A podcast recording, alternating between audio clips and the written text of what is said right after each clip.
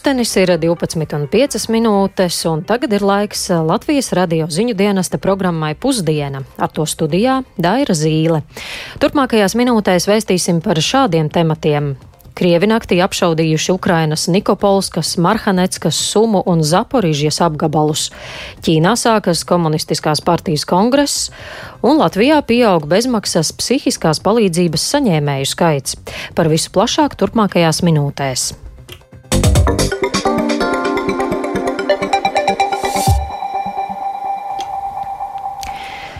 Krievija naktī ir apšaudījusi Ukrainas Nikopoles pilsētu, ievainojot arī civiliedzīvotājus. Krievi izmantojuši vairāk nekā 40 gradu raķešu sistēmas un citu smago artilēriju, lai apšaudītu Nikopolskas un Marhaneckas apgabalus.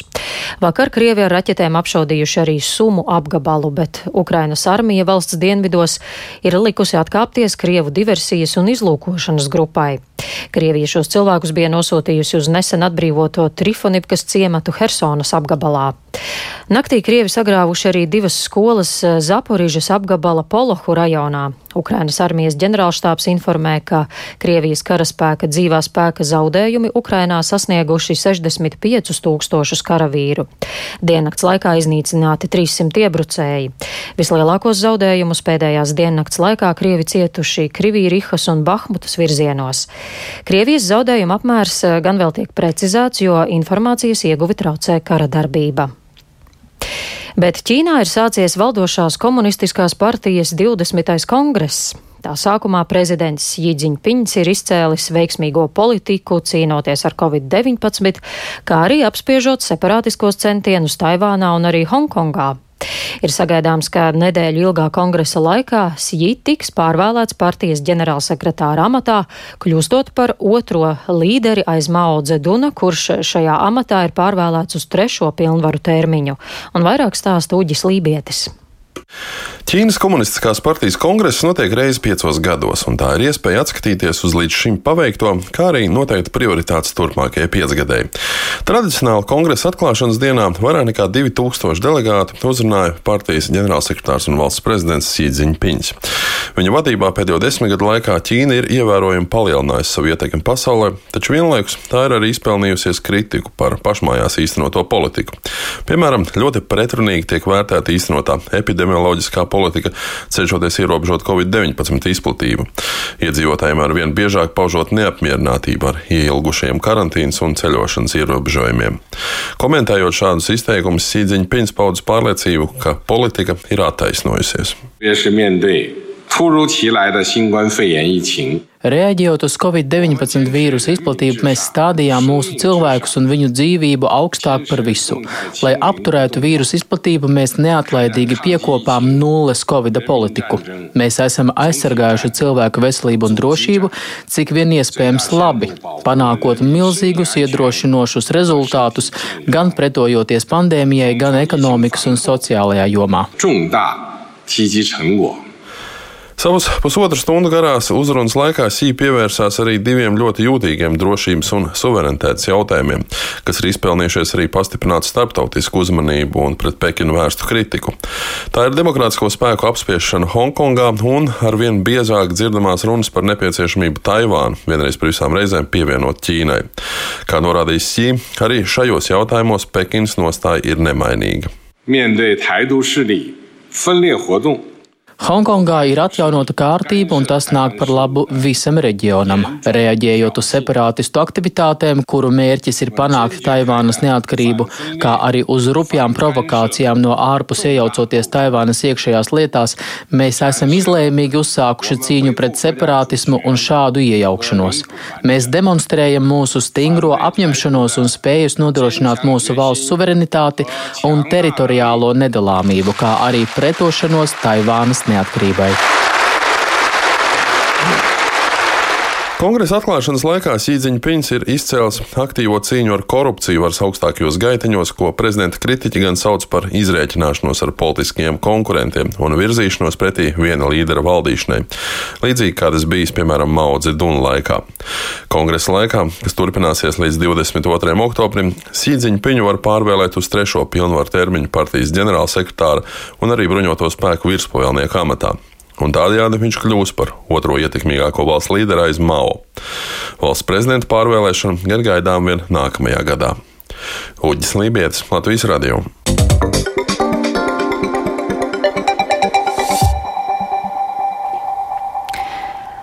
Latvijā valsts apmaksātu psihisko palīdzību piedāvā 99 speciālisti. Tomēr iedzīvotāju interese ir daudz lielāka, tāpēc Nacionālais veselības dienests aicina pieteikties vēl pakalpojumu sniedzējus, īpaši trūkst psihoterapeitu. Iedzīvotāji visbiežāk pēc palīdzības vēršas jau tad, kad problēma ir gana sāsinājusies, un tad jau ar valsts apmaksātām desmit vizītēm vien nepietiek. Plašāk par to Lindas Spundiņas ierakstā. Kopš pagājušā gada māja iedzīvotājiem ir pieejama valsts apmaksāta psiholoģiskā un psihoterapeitiskā palīdzība. Lai to saņemtu, nepieciešams ārsta nosūtījums. Pakalpojumu tobrīd ieviesa, lai mazinātu Covid-19 izraisītās sekas mentālajai veselībai, taču Nacionālajā veselības dienestā stāsta, ka šis pakalpojums būs arī turpmāk. Dienesta ārstniecības pakalpojumu departamenta ambulatoro pakalpojumu nodaļas vecākā eksperta Elīna Engelberga atklāja, ka šobrīd pakalpojumu nodrošina 99 speciālisti. Kopš šī pasākuma uzsākšanas ir noslēgta līguma ar 99 pakalpojumu sniedzējiem. Šobrīd esam izsludinājuši atkārtotu pieteikšanos, aicinām speciālistus pieteikties šī pakalpojuma sniegšanai, lai arī turpmāk veiksmīgi attīstītu psiholoģiskās palīdzības sniegšanu Latvijas iedzīvotājiem. Pārsvarā pieejami ir psihologi, mazāk psihoterapeiti, to pat trūkst. Kopumā pakalpojumu piedāvā 16 psihoterapeiti un visi pieejami Rīgā. Kopumā pakalpojums plašāk pieejams pilsētās, taču piedāvā vizītes arī attālināti. Ar speciālistu sarakstu, kuris sniedz konsultācijas, var iepazīties Nacionālā veselības dienesta mājaslapā. Dienestā stāsta, ka iedzīvotāju atsaucība tikai pieaug. Atsaucība ir diezgan pieaugoša salīdzinot 21. un 22. gadu. Ja 21. gadā līdz gada beigām bija apmeklējuši 1300 pacienti, tad 22. gada 8 mēnešos tie ir jau 1900. Kas tad iedzīvotājus satrauc? Latvijas Profesionālo psihologu asociācijas vadītāja Evelīna Mūze norāda, ka pašreizējā situācija ir spēcīgs katalizators jau esošajām problēmām. Pieaug agresivitāte un vardarbība, līdz ar to pieaug arī atkarības. Atkarības raisa, teiksim, šī te esošā nenoteiktība, ja apkārtējā situācija saistīta gan ar karu, gan ar bijušo pandēmiju, nu, tāpat satraukumu, bailes, nemieru un raisa šī situācija un agresivitāte. Bet, nu, kā cilvēki tiek ar to galā, nu, tad uh, iziet no ierindas tā kā tie, kas ir mazāk emocionāli noturīgi un stabili.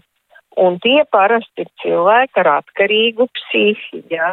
Nāk jau tie, kuriem tiešām tā kā ūdens smeļās mutē, kas sev netiek galā, nu īpaši smagi reģionos. Valsts apmaksā ne vairāk par desmit vizītēm. Mūze stāsta, ka pārsvarā visi izmanto desmit vizītes, taču daudziem vajag pat vairāk. Daļa turpina iesākto, taču ne jau par saviem līdzekļiem. Tomēr lielākā daļa turpināt saņem palīdzību par paša naudu nevar atļauties. Visbiežāk pie speciālistiem iet sievietes. Vairāk tās ir sievietes, kas tur rūpi tomēr par ģimeni, par uh, bērniem, kurām ir arī daudz visādu jūtu, gaidu. Savukārt pusauģiem ir pieejama valsts apmaksāta programma depresijas un pašnāvības risku mazināšanai. To nodrošina pusauģu resursu centrs, un pilnas valsts apmaksātas programmas ilgums ir trīs mēneši. Linda Spundiņa, Latvijas radio.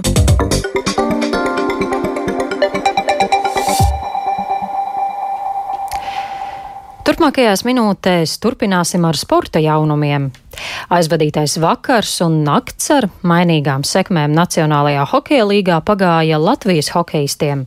Savukārt šodien laukumā dosies Latvijas izlases handbolisti. Sezonas pirmā spēle TTT Rīga komandai un arī svarīgas cīņas Latvijas futbola virslīgā.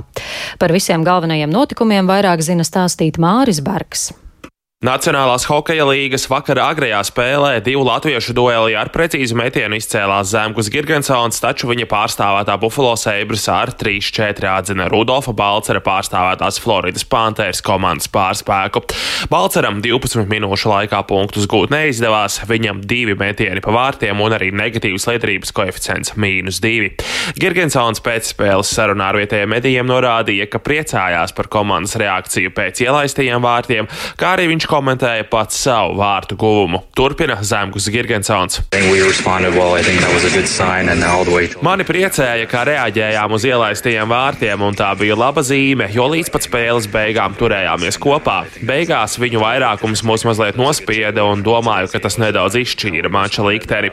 Tā ir labā lieta, ko varam paņemt no šīs spēles. Tas, kā reaģējām uz notiekošo laukumā līdz pat spēles beigām.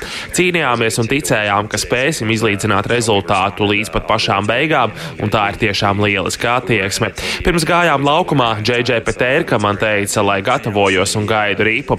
Zināju, ka rīpa pie manis atnāks, un tā bija lieliska kombinācija no viņa atstājot rīpu sev aiz muguras. Pēc slimošanas vārtos šonakt atgriezās Elvis Mežģikins, taču viņa pārstāvētā Kolumbusas Blūdžekets piedzīvoja trešo zaudējumu šo sezonu ar 2-5 zaudējot St. Louisas Blues komandai.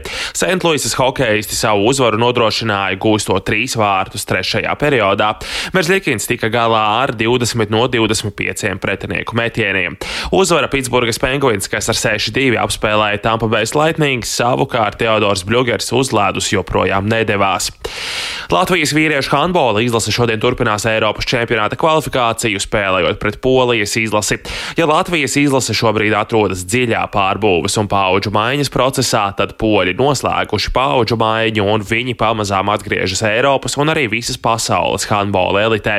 Pirms 10-15 gadiem poļi bija starp pretendentiem uz medaļām gandrīz visos lielajos turnīros. Latvija kvalifikāciju iesāka ar zaudējumu 18-35 pret olimpiskajiem čempioniem. Francija.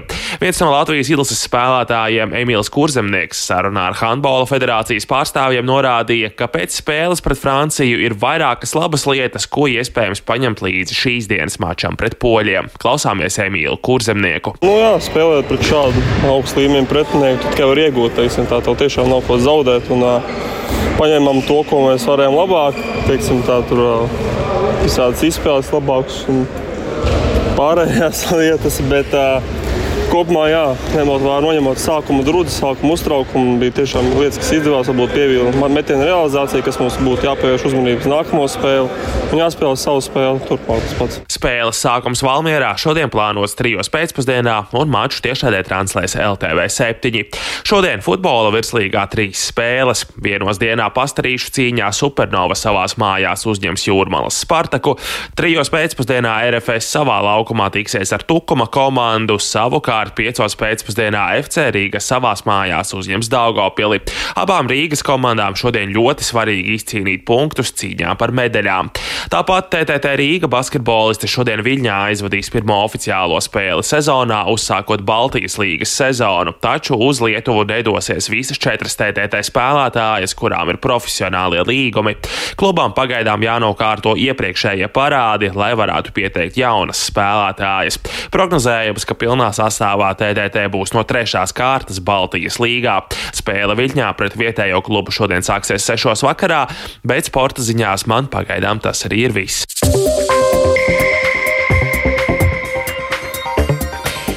Līdz ar to arī izskan Svētdienas, 16. oktobra pusdienas ziņu raidījums. Tā producents Viktors Pupiks, par labskaņu gādāja Uldis Grīnbergs, skaņu režijā Kārlis Rašmanis, bet studijā Daira Zīle. Vēl īsi svarīgākais, ko vēstījām. Krievija naktī apšaudījusi Ukrainas Nikopolskas, Marhaneckas, Sumu un Zaporižas apgabalus. Ķīnā sākas komunistiskās partijas kongress, bet Latvijā pieaug bezmaksas psihiskās palīdzības saņēmēju skaits. Mūsu ziņām varat sekot līdzi arī Latvijas radio mobilajā aplikācijā vai sabiedrisko mediju ziņu portālā LSM LV. Yeah.